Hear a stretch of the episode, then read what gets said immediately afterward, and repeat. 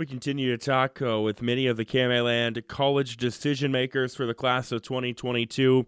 One of the recent ones, Sophie Hendricks of Harlan. She's going to play volleyball in the future at DMACC, and she's with us now. Sophie, how are things going today? I'm good. How about you? Good. Thanks for joining us. Uh, first off, you know, to be able to put this decision into context, uh, just you know, let us know, you know, what what has volleyball meant to you?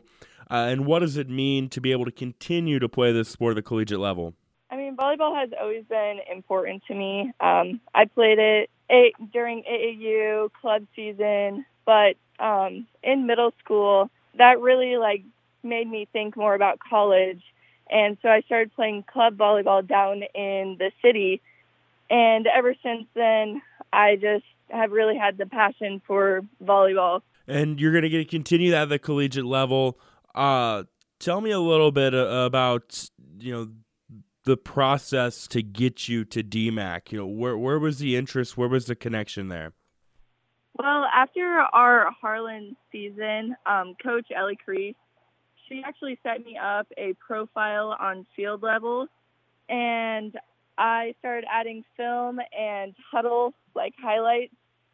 And that's when some of the coaches started contacting me, but then I was only able to visit a couple of the colleges, but when I did visit DMACC, um, I just fell in love with the facility and the athletic program. Getting time with Sophie Hendricks of Harlan, going to play volleyball at DMACC in the future. Uh, as you mentioned, you've got a really strong passion for volleyball, which is which is awesome to see. Uh, at what point did it kind of click with you that, that this is something you could do at the next level? Well, the coach, um, she was great and just very like considerate. Um, she just like was easy to get along with and talk to, and she was just very caring about like my goals in the future life. Yeah, were there other schools that you looked at, or was it always going to be DMACC? Oh, there was a couple schools, um, but t- I mean Grandview and Northwest, what Northwest would, Missouri. Yeah, what would you say uh, with those? You know, what was it about DMACC that kind of you know caught your eye and made that the place you wanted to go? It was definitely like the facility and the athletic program because I loved that um, the school in Boone was just well, not just, but it was mostly athletes and it focused on your athletic and your academic career. Getting time with Sophie Hendricks of Harlan, standout volleyball player, going to take her talents to DMACC in the future. Uh, you had a fantastic prep career, did a little bit of everything there for Harlan as well.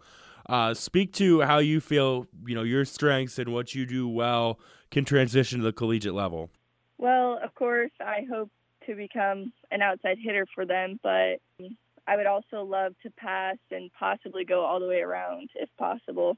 Yeah, what's the one thing as you get ready to make this transition to the collegiate level uh, that you're really trying to hone in on? Is there any particular thing that maybe you feel you need to get better at, or what's the approach? Um, training and just becoming stronger all all around. Get time with Sophie Hendricks of Harlan, going to play volleyball at Des Moines Area Community College.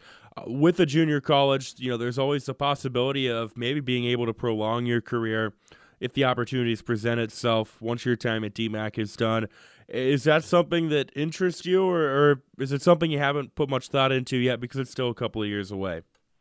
I mean, possibly I might go on to play for a four year college, but I'm still, you know, up in the air because I might just want to focus on my major.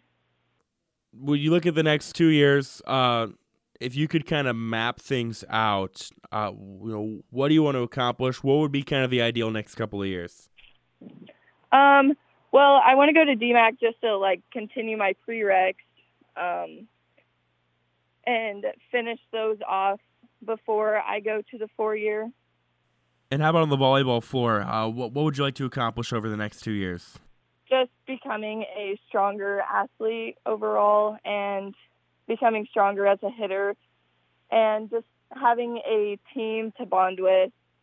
And that's Sophie Hendricks of Harlan going to play volleyball at DMACC in the future. Sophie, thanks you, thank you so much for the time today.